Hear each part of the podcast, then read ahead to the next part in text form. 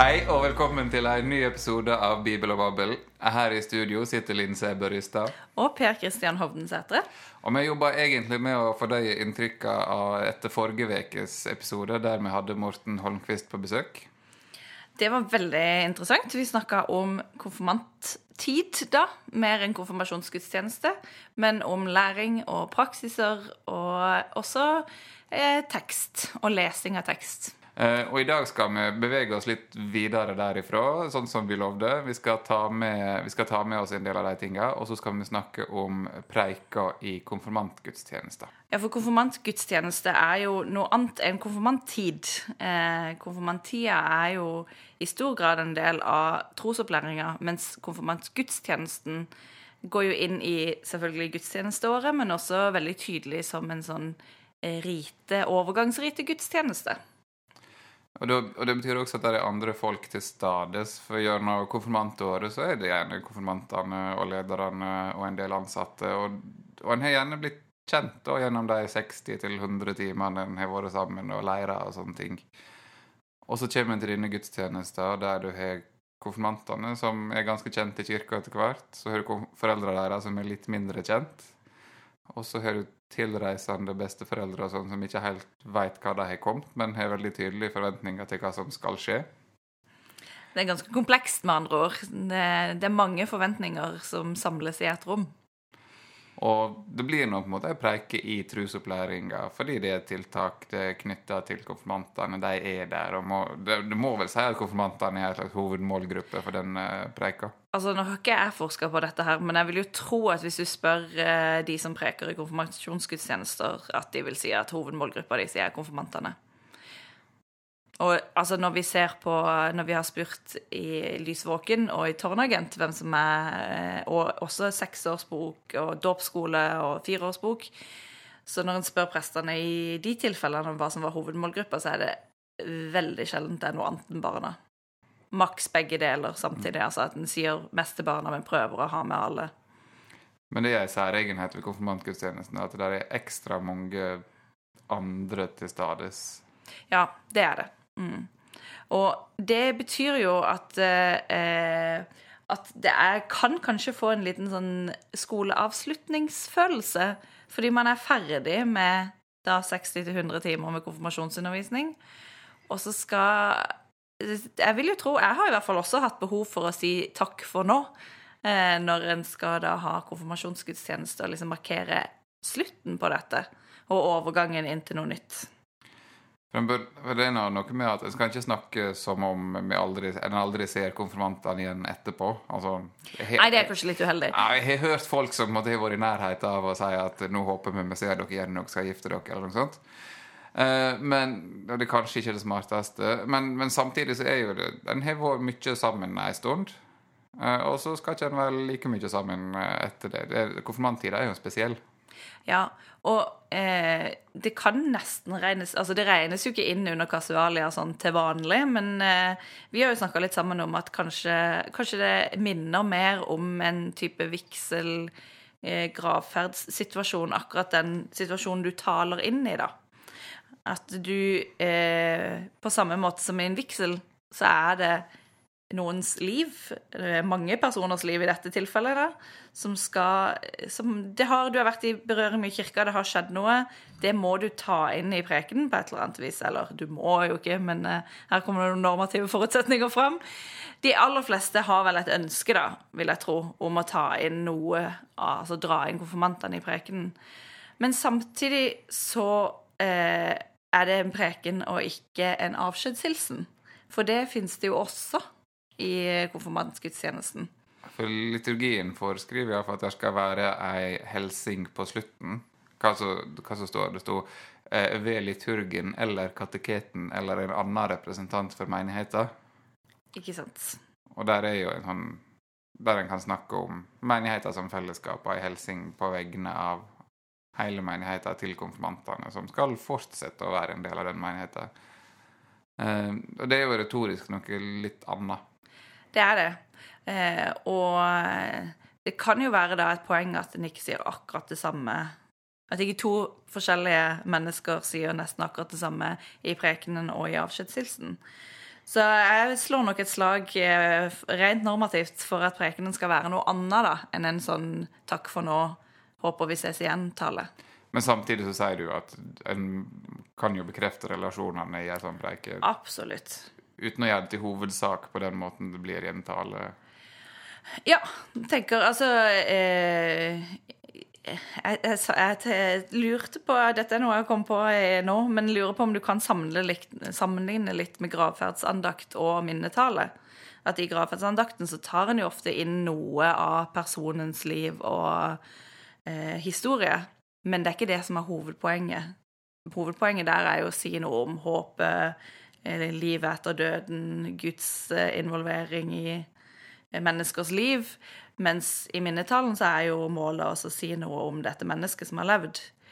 Så om det går an å, å dra det med seg inn til å tenke at OK, i preken i konfirmasjonsgudstjenesten så sier jeg noe om Jeg kan godt si noe om det som har skjedd, relasjoner som har eh, blitt oppretta i løpet av konfirmasjonstida, eh, spesielle ting som har gjort inntrykk, men at det skal henge sammen med tekst og med å ha et eller annet du vil si konfirmantene, som går utover 'takk for nå'. Og det er noe, og på en eller annen måte så må en reflektere over hva som er funksjonen til denne preika i en konfirmasjonsgudstjeneste. Eh, Hva, hva slags måte er det å forestille seg det på? Nei, Det fins jo forskjellige måter å tenke funksjonen til prekenen på. Eh, og det er vel ofte det man eh, leiter etter når en stiller de spørsmålene hva vil du med denne prekenen? Eh, og eh, det må du jo da svare på sjøl, tenker jeg. Du som sitter og hører på og skal eh, lage konfirmantpreken. Hva vil du med den prekenen? Er funksjonen det her som vi har snakka om, kanskje i litt sånn negative termer, å si takk for nå og velkommen tilbake igjen? Eller er funksjonen å oppsummere året? Hva har vi lært siden sist? Er funksjonen å eh, gi de noe religiøs ballast på veien i livet? Altså, det fins mange måter å tolke funksjonen til en preken på. Ja, Det henger jo sammen med måten en forstår konfirmasjonen og hva som foregår i rommet den dagen også. Ja, for måten en forstår konfirmasjon på, det har jo vært i utvikling fra en sånn kunnskapsprøve, en slags eksamen, der du skulle høre si om du husker Pontoppidan og Luthers katekisme, eh, til at det ble en bekjennelses- og bekreftelseshandling der konfirmanten bekrefter sin tro og sin dåp. Eh, og til nå at eh, det mer vanlige nå er vel å tenke at det er Gud som bekrefter konfirmanten eh, med forbønnshandlinger. Og Morten pekte jo på det at konfirmantene var veldig oppsatt av forbønnshandlinger i konfirmanttida. Mm. Og da ja, mener du at da skal du ta inn forbundshandlinga og snakke om den og tolke den i preika, på en måte? Du kan gjøre det, i hvert fall. Altså, jeg tror at eh, Jeg tror at det er viktig at du snakker om om noe eh, som er viktig for konfirmantene, og det kjenner jo du best. Du som har hatt konfirmanter.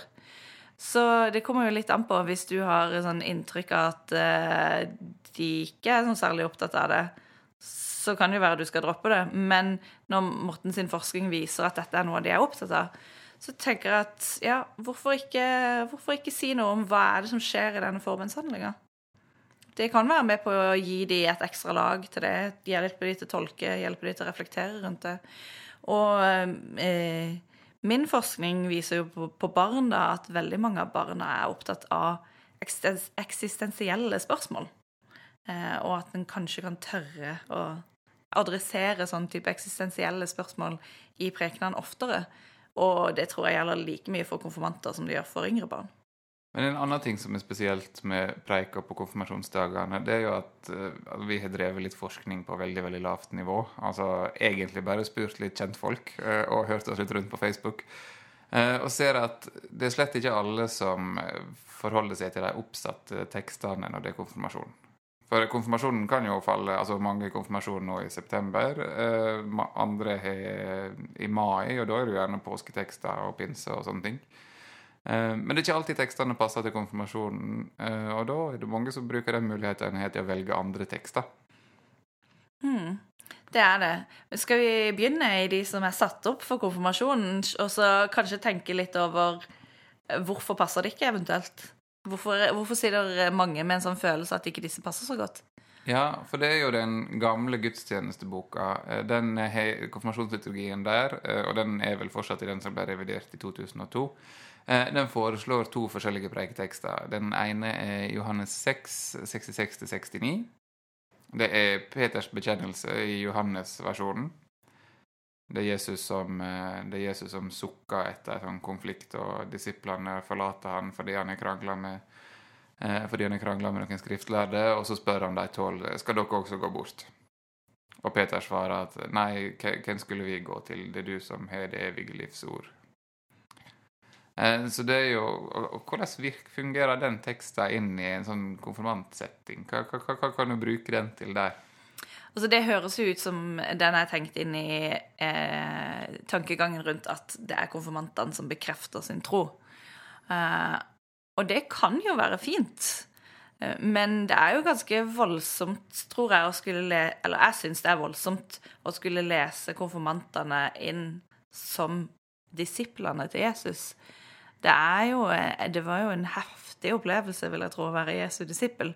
Og du leser Hvis du identifiserer, hvis du gjør den identifiseringa Konfirmantene er lik Peter, som da sier dette her, eh, så er det jo også en ganske sånn eh, konfliktfylt situasjon å lese det inn i. Og jeg tror nok at eh, mange plukker opp denne her, dette sviket som ligger foran. Ja, for Teksten starter med beskrivelsen av de som går bort.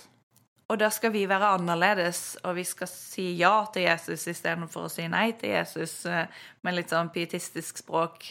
Kanskje få som ville sagt det sånn, da, men for å sette det på spissen. Ja, at det sniker seg inn sånn der Altså den todelinga som finnes i tekster Altså, den kan jo vandre over i preik, og vil den egentlig det?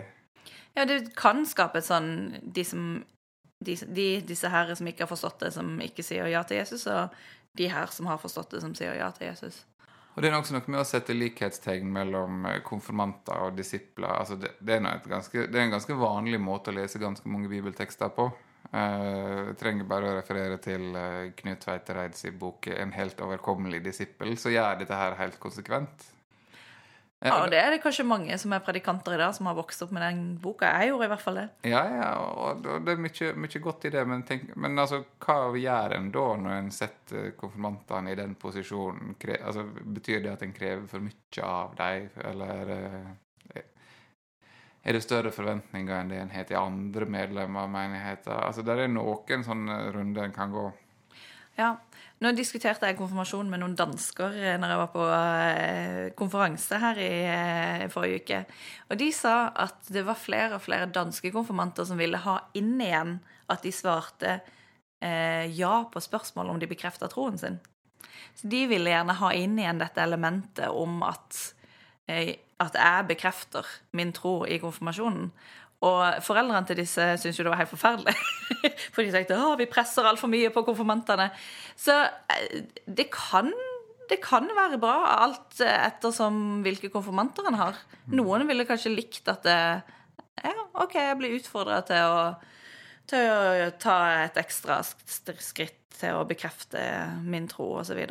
Men det er jo måten det gjøres på, da tenker jeg. For det skjer nå et eller annet når, opp, altså når oppslutninga om konfirmasjonen faller sånn som den gjør nå, så betyr det også at uh, det å velge kirkelig konfirmasjon det er et større valg og en ting som konfirmantene må tenke mer igjennom, og som ikke er like sjølsagt som det var en gang da 80-85 valgte kirkelig konfirmasjon. Ja, for jeg tenker Det er noe med å ta, eh, ta det valget på alvor. Men det går jo an å snakke om valg som ikke et innenfor og utenfor valg, men mer en ting som skjer i prosess. Og en ting som ikke er avslutta der og da, eller som ikke betyr at ja, men da må du plutselig være en helt annen. Altså, det, det trenger ikke være disse gamle frontene da, på det valget. Nei, og det er jo noe med at altså bare åpne for den prosessen. Altså F.eks. ved å bruke en Johannes-tekst sånn som det her. For i Johannes er det veldig sånn du velger nå. Her feller dommen. Det er enten eller. Jeg setter ting retorisk veldig på spissen i evangeliet. Mm. Eh, og det kan en gjøre noe med når jeg bruker det i preika. Ikke, ikke ta med alle de tilspissa formuleringene fra Johannes inn i preikspråket. Nei, det er absolutt mulig. Eh, og det samme er nå Det var en av de vi snakka med, som snakka om at eh, og hadde brukt ei for Jesus-fortelling, for det er nå et uh, triks for å få litt mer eh, kjøtt på beinet enn en sånn der enkel liten trevers samtale mellom Jesus og Peter. Uh, og hadde da brukt, eh, fortellinga om Jesus og Peter som går på vannet, fra Matteus 14. og det er nå det er flere sånn Jesus går på vannet-fortellinger i Nytestamentet. Og Matteus sin den eneste der Peter går på vannet også. Eh, samtidig som det er den mest eh, høgkristologiske av dem. Det er den eneste der eh, disiplene slutter med at når de har sett dette her underet, så konkluderer de med å falle ned og bekjenne at han er Guds sønn. Så det er nå på en måte en vedkjenningstekst, det også. Eh, og når Peter eh, synker ut på Genesaretsjøen der, og Peter må berge han opp igjen i båten, så er jo også Jesus sin kritikk 'Du lite truende, hvorfor tvilte du?' Så det er en sånn tru, ikke tru eh, Bekjennelsen til Jesus. Det er noen sånne nøkkelord der som du kan legge inn i en sånn eh, som, som, som, du kan legge inn i en sånn tilspissa preike og på kreve omvendelse av konfirmantene. og på Gjøre det valget deres veldig stort. Ja, men det fins jo også elementer i den fortellinga eh, der Jesus Altså, Jesus drar jo Peter opp av vannet og opp i båten. Så det er jo noe der med å få hjelp, stole på Jesus, venne seg til Gud, som kanskje går an å bruke. Ja, for det er nå egentlig ikke Peter som er den handlende. sant? Det er Jesus som kaller han ut på vannet, det er Jesus som løfter han opp igjen i båten, det er Jesus som får dem trygt inn til land igjen. Så det er et eksempel på at denne fortellinga, når en bruker den allegorisk, sånn som vi gjør nå, eh, og tolker den som et bilde på forholdet mellom, mellom, mellom Gud og mennesket i dag, eh, at det er element som kan brukes retorisk ganske forskjellig, da. Mm. Skal, skal fortellinga om Jesus og Peter på vannet skal det handle om bekjennelse, eller skal det handle om en gud som berger deg når du synker? Den kan gjøre begge deler.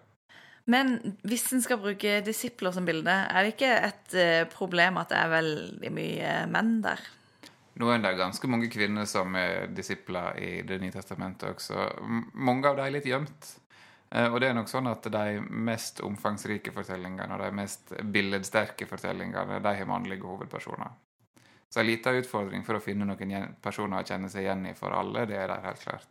Så hvis en vil bruke disippelmetaforen og være bevisst på kjønnsbalansen, så må en kanskje leide litt, da? Det må en. En trenger kanskje ikke å lete så langt. Jeg husker en gang jeg sjøl brukte Martha og Maria på en konfirmasjon. Det var ikke Eneste grunnen til det var at det var den teksten som var satt opp for 15. søndag i treenigheter uh, i andre rekke, tror jeg. Men det var veldig gøy å jobbe med den teksten. Uh, ikke bare fordi at Martha er en sånn som strever med alle ting og skal gjøre i stand for Jesus, når du har ei kirke som er full av folk som ikke har tenkt på annet enn maten i konfirmasjonsselskapet i flere uker. Der er både noen feller og noen muligheter å gå i akkurat der. Den teksten har nå også vært lest billedlig og allegorisk at Martha og Maria representerer to typer disippelliv, da iallfall. Eh, der Martha er den som bryr seg om sånn verdslige ting og styrer og gjør så mye uro, mens Maria måtte velge å sitte ved Jesu føtter alene der og bare høre på han. og måtte ha valgt en gode del, sånn som teksten sier.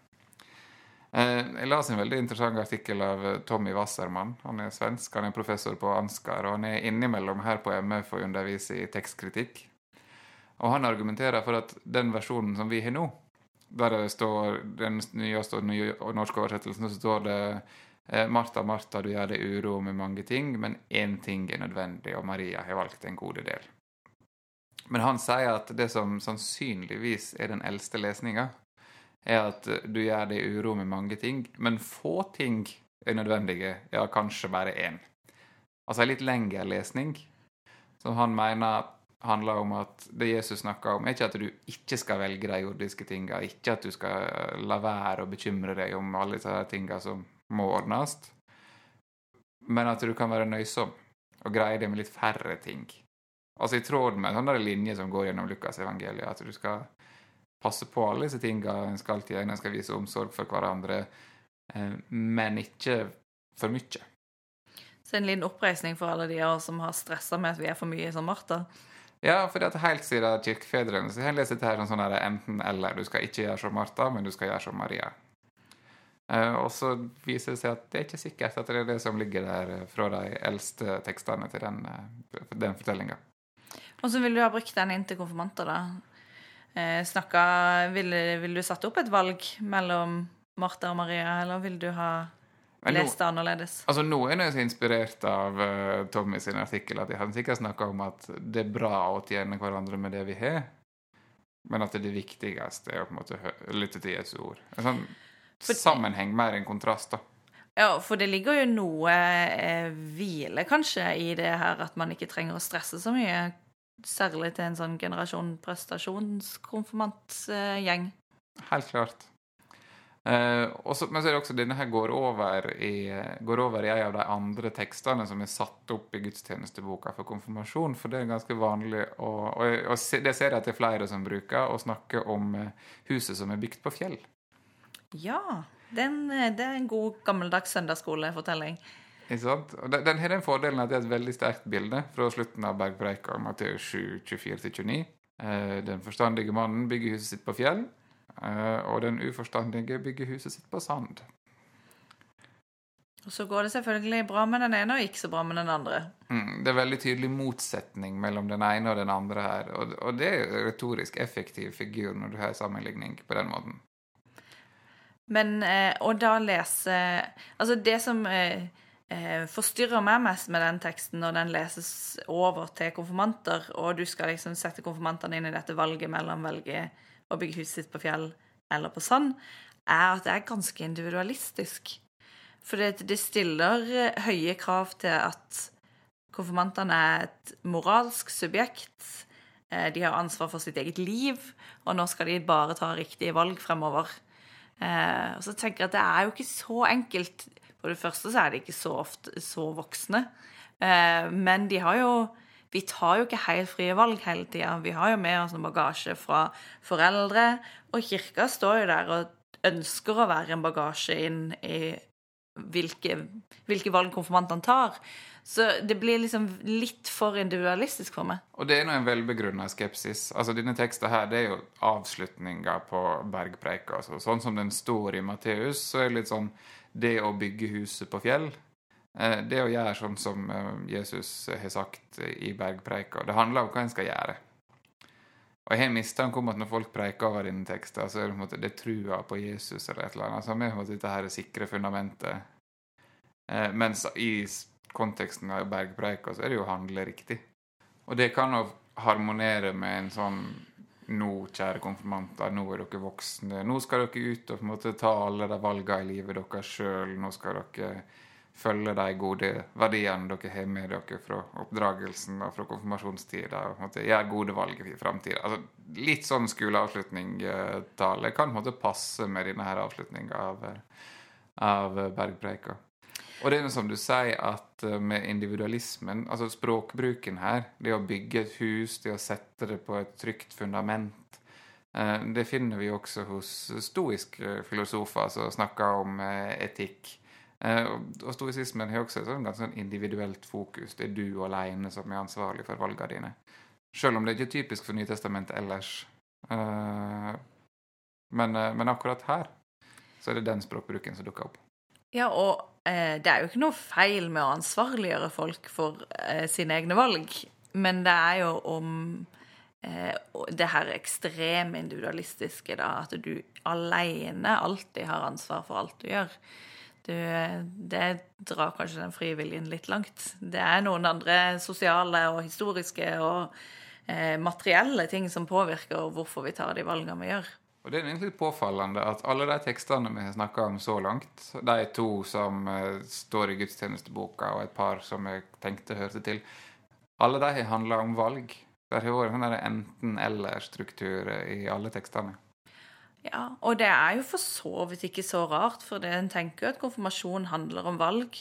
Men samtidig, da, hvis egentlig Så vidt jeg har forstått i hvert fall, så er den offisielle i hermetegn-teologien nå at det er Gud som bekrefter konfirmanten, og ikke konfirmanten som bekrefter Gud. Og disse tekstene her gjenspeiler jo den teologien veldig lite. Ja, altså vi har funnet noen element, eh, men, men det er klart at den, det reflekterer en annen tenking rundt konfirmasjonen. En tekst som gir oss noe til den tanken om konfirmasjonen som en bekrefting av disse konfirmantene eh, fra Guds side, det er jo den teksten som i år er satt opp på 13. søndag i treenighetstida, i tredje rekka. Og for de som ikke har nødvendigvis tekstboka fullstendig innabords, så er da søndag 8. september. Det er ganske mange som har konfirmasjoner den dagen, tror jeg. Mm. Det er i hvert fall det vår svogerforskning sier. Svogerforskninga har vært ganske entydig der. Og da er det altså Johannes 15, 13-17 som er satt opp som evangelietekst. Og hva handler den om? Kort. Det, det er fra avskjedstalen eh, til Jesus i Johannes evangeliet. Den er jo veldig lang og gjentar seg sjøl ganske mange ganger. Men akkurat i disse versene her, eh, da snakker Jesus om eh, disiplene som sine venner. Jeg kaller ikke dere lenger tjenere, men venner. Og slutter vel med et bud gir dere elsker hverandre. Så det er sånn tekst, Den, den har alt. Den snakker om Jesus som eh, en venn. Altså igjen en venn av disiplene, men her regner jeg med at en ganske fort setter likhetstegn mellom de truende i dag og disiplene i Johannes' tekster. Eh, men, eh, men, Jesus som venn som på en måte åpner for hvordan snakker vi til Jesus? Altså Morten Holmquist i forrige episode snakka jo om hvor viktig bønn som praksis er for konfirmantene. Ja, det var en av de praksisene der de hadde opplevd endring i løpet av konfirmasjonstida. Ikke sant? Og da er det på en måte hvor lett er det å snakke til en Jesus som er sånn der opphøga herre, men at en relaterer at, kanskje, at det gudsbildet av Jesus som en venn er et sterkere bilde og et mer tilgjengelighet. Eh, og det er jo én ting med dine tekster. En annen ting er at den sier noe om det kristne fellesskapet. Altså dette her med at ett bud gir dere, dere skal elske hverandre. Det går an å si mye, mye godt om det i en konfirmasjonspreike. Ja, og det er også en sånn eh, tips på veien videre i livet uten at det blir skoleavslutningstale nødvendigvis. Sånn, det er ganske radikalt. Den gir et sånt, og, og den, den har en veldig radikal kjærlighetsforståelse her, for at ingen har større kjærlighet enn den som gir livet sitt for andre, er jo første verset. Ja, og, og, og det er jo radikalt. Eh, og det betyr jo ikke nødvendigvis at en skal da overføre det og være som Jesus. Det har vi vel snakka om tidligere, at hele poenget er jo at vi, vi er ikke Jesus, vi er mennesker. Men allikevel at i dette radikale vennskapsbudet så ligger det jo noe om å, å faktisk elske hverandre. Det er jo vanskelig nok, det. Eh, så kan en kanskje tone ned litt der og gi livet sitt for vennene sine. Men det fins jo masse eh, altså Harry Potter, Narnia, Ringenes herre Masse populærvitenskapelige ting som gjaller som allusjoner i bakhodet mitt. Det finnes mange bilder å ta av. En må bare finne et eller annet som konfirmantene kan relatere til. Men jeg tror det at denne her, det starta med 'ingen er større kjærlighet'. Ja, men Hvem er det som har den? Hvem er det som er den vennen som, ikke, som har den største kjærligheten? Det er jo Jesus i Johannes-evangeliet. Det er jo han som gir livet sitt mm. eh, for sine venner. For å berge dette fellesskapet, som fortsatt finnes, og som konfirmantene blir konfirmert i, som en del av. Ja, og som kanskje alltid har vært en del av, eller? Ja, jeg sa det. Sa du det? Blir konfirmert som en del av, ikke, okay. ikke inni. Ikke inni. Det er greit. det er bra. Uh, men, men der er faktisk en sånn endring i status i dine tekster også. Det er voldsomt. Det er sånn der før og etter-greie her. Ikke, ikke, ikke enten-eller, men før og etter. Før var dere tjenere, nå er dere venner. Det er kanskje litt vanskeligere å overføre den på uh, konfirmantene? Ja, det er det. Uh, jeg tror ikke det er så tjenlig å snakke om før var de tjenere, nå er dere venner. Eh, og jeg tror heller ikke konfirmantene opplever konfirmasjonen som et veldig sånn før jeg var konfirmert, og etterpå så er et nytt, uh, en ny status på gang her. Så i, i en konfirmantgudstjeneste, når du har såpass kort tid og skal prøve å fokusere prekenen din så godt som overhodet mulig, så tror jeg jeg ville holdt meg til vennskapsmetaforen. Det er mer enn nok å ta av der. Å ha det som sentralt motiv, og så jobbe litt ut ifra den i forskjellige retninger, da? Tenker Det er masse å ta der som du kan gjøre, som du kan gjøre mye bra med, og, og, og mye forskjellig med. Alt etter som din konfirmantgruppe er, og som du er som predikant. For det er noe med at når du har såpass lite tid som en ofte har konfirmasjonsgudstjeneste, det er noe med at rammen er litt trang. Altså, kirka er full, og alle skal videre på noe etterpå. Det er ganske, det er ganske likt julaften, altså. Ja, så jeg tenker at hvis vi skal, hvis vi skal nå prøve å eh, pushe oss sjøl litt på å lande i noen tips og triks, så er det nok det å ikke ville for mye med denne prekenen. Altså ville én ting. Eh, og det betyr ikke at det må være én sånn setning eller noe du vil at de skal huske, men at du har bestemt deg for et fokus. At du har bestemt deg for noe du har lyst til å si. Eh, og en sånn fin eh, ting, syns jeg, å tenke på at hver gang jeg preker, skal jeg si noe nytt. Eh, Jeg skal prøve å si noe nytt om den teksten, si noe nytt om denne situasjonen, si noe nytt til disse menneskene som sitter og hører på. Men nå er det krevende å si noe nytt om tekster som har vært preika over i 2000 år. eh, Men det er klart at de som sitter der, har kanskje ikke hørt det før. Og konfirmantene har nå gjerne hørt predikanten på konfirmasjonsgudstjenesten mange ganger før. Så det å da kunne både bygge litt på det som, det som ligger bak, eh, og kunne tilføre noe nytt i den preika for å på en måte holde, snakke til den delen av tilhørerne. Ja, Og noe nytt betyr jo ikke nødvendigvis at du har funnet ny tekstkritikk, sånn som du akkurat hadde lest denne artikkelen om. Det betyr bare at du har lest teksten Eller sånn som jeg tenker det, da, så betyr det bare at en har lest teksten, og den sammenhengen leser teksten i denne gangen, gjør at du tenker på det. Og at du mer, mer sånn Du har noe å melde, du har noe du vil. Eh, og at det er noe annet enn avskjedstale. Takk for nå. For en av, våre, en av de vi snakka med før denne episoden, snakka jo om at det er jo et alternativ å ta opp igjen en tekst som en har brukt i konfirmantundervisninga. Som konfirmantene kjenner, men som da kanskje er ny for Eller ikke er like kjent for besteforeldre og sånn. Og, det, og det, da tar jo du bort en av de tinga som Morten snakka om sist. At en bibeltekst inneholder ofte så mange sånn forstyrrende element. Sånne detaljer som er vanskelig å forstå, og ting som en henger seg opp i, og som gjør at en ikke kommer til poenget. Men hvis konfirmantene har hørt tekster før, så har ikke de like mange, like mange forstyrrende element i veien, iallfall. Nei, i hvert fall ikke hvis de har fått hjelp til å forstå han og lese han. Mm. Men samtidig så kan det jo være kjedelig også å høre en tekst du har hørt før, så da må du i hvert fall si noe nytt. Da må du i alle fall si noe nytt. Men en ting vi har drevet med i hele denne episoden, er nå egentlig å tolke disse bibeltekstene allegorisk. Altså De handler om Jesus og noen disipler en eller annen gang, og så tolker vi dem som bilde på forholdet mellom konfirmantene og Gud. Egentlig, stort sett. Eh, samtidig så snakka vi sist eh, med Morten om at konfirmanter ikke alltid helt greier å få tak i hvordan en bruker bibeltekst, eller hvordan en tolker dem. Eh, vil ikke det være en utfordring også når en preiker på denne måten her? Jo, fordi hvis en tenker da at prekenen er en praksis, så eh, kan det virke som at det er færre og færre som vet hva de skal gjøre med det de hører når de lytter til prekener. Mitt eh, doktorgradsarbeid eh, støtter den teorien. Og eh, i, på TF så har de laget en bok som heter 'Gudstjenester med konfirmanter'. Og der sier også Sivert Angel, som har skrevet kapittelet om preken der, at de kan gjengi mye av prekenen, men de vet ikke helt hva de skal gjøre med det de har hørt. Og det vi ofte håper er jo, når vi preker, er jo at noen skal høre det vi sier, og så reflektere over det og tenke oi, dette har noe med mitt liv å gjøre. Det kan være at vi rett og slett da må tenke ok, hvis preken er en praksis, og det å lytte er en aktivitet, det å tolke er en aktivitet, så kan det være at vi av og til må si, altså være eksplisitte på nå skal jeg si noe, jeg leser den teksten sånn her, jeg vil at dere skal gjøre sånn og sånn. Eh, Det er jo kanskje risky, og det er ikke sånn man har prekt i de siste 500 årene, men jeg tror at det er noe med at den sosialiseringa inn i å lytte til prekener og lære seg opp i det, den sitter ikke lenger. Så det kan være at en skal rett og slett gi lesehjelp og tolkehjelp, eller lyttehjelp og tolkehjelp. Eh, særlig på sånne store dager eh, der du har kort tid, prøver å holde fokus, og har lyst til å få sagt noe som kan berøre disse konfirmantene, og som kan faktisk gjøre en endring for dem.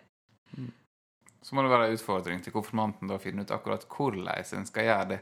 Sånn personlig så stritter jeg litt imot, for jeg liker å gjøre sånne ting. Litt sånn der underforstått og hinte litt. Men jeg skjønner nå at det er ikke sikkert at mine hint blir plukka opp, altså.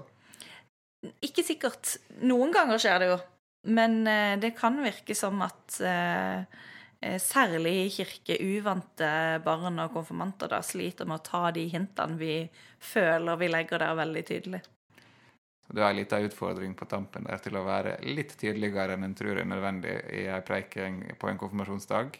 Ja. Så har vi slått et slag for å preike over oppsatt tekst på 13. søndag i treenighetstida, men alle tekstene kan egentlig brukes, jeg må bare vite hva en vil.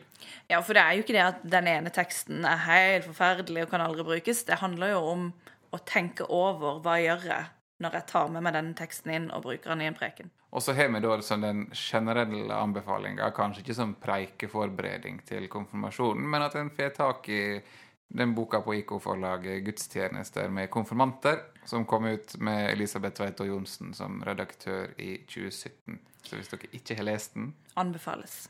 yes. så må dere ha lykke til med konfirmasjonsgudstjenestene, Masse lykke til. og så snakkes vi. Ha det bra.